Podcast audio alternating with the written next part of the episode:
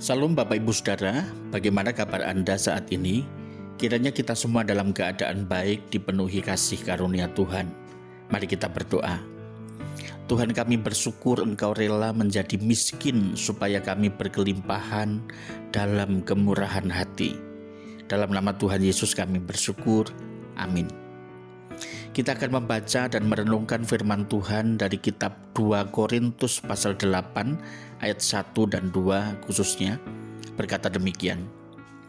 Saudara-saudara, kami hendak memberitahukan kepada kamu tentang kasih karunia yang dianugerahkan kepada jemaat-jemaat di Makedonia.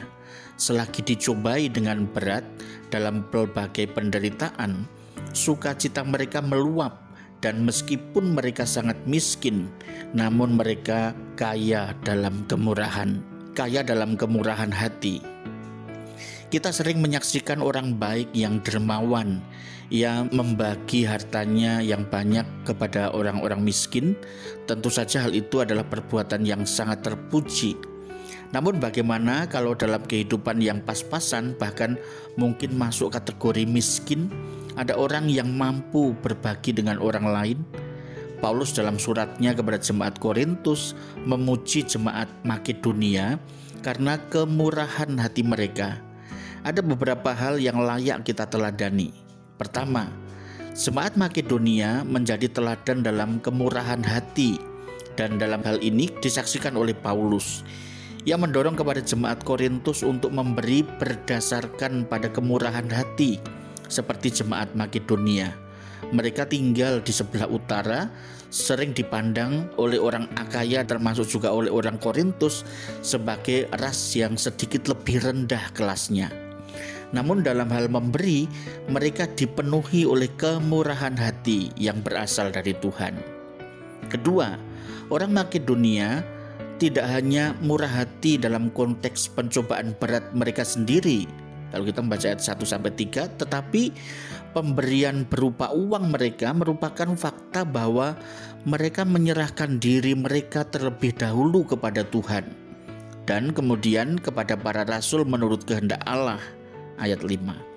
Paulus tidak terlalu memikirkan jenis pemberian yang merupakan pengganti untuk memberikan diri pada prinsipnya kepada Tuhan Yesus dan kemudian secara turun-temurun kepada para pemimpin dan pelayan Tuhan. Ketiga, komitmen yang besar pada ketekunan dan konsistensi dalam hal memberi. Nah, ini berkaitan dengan janji jemaat Korintus sebelumnya untuk memberikan jumlah tertentu. Sekarang Paulus mengirim Titus untuk mendorong mereka menyelesaikan apa yang telah mereka mulai dengan baik. Keempat, kemurahan hati Kristen adalah salah satu nilai hidup yang dijunjung tinggi oleh orang Kristen secara keseluruhan bersama dengan nilai-nilai lain seperti kebijakan, eh, kebajikan lain seperti iman, pengetahuan, kesungguhan membantu dan kasih kepada para pemimpin yang saleh. Kelima, kemurahan hati bukan hasil dari melakukan hukum atau peraturan, melainkan suatu disiplin rohani dan keteladanan yang diberikan oleh Kristus. Karena kamu telah mengenal kasih karunia Tuhan kita Yesus Kristus, bahwa ia yang oleh karena kamu menjadi miskin sekalipun ia kaya, supaya kamu menjadi kaya oleh karena kemiskinannya.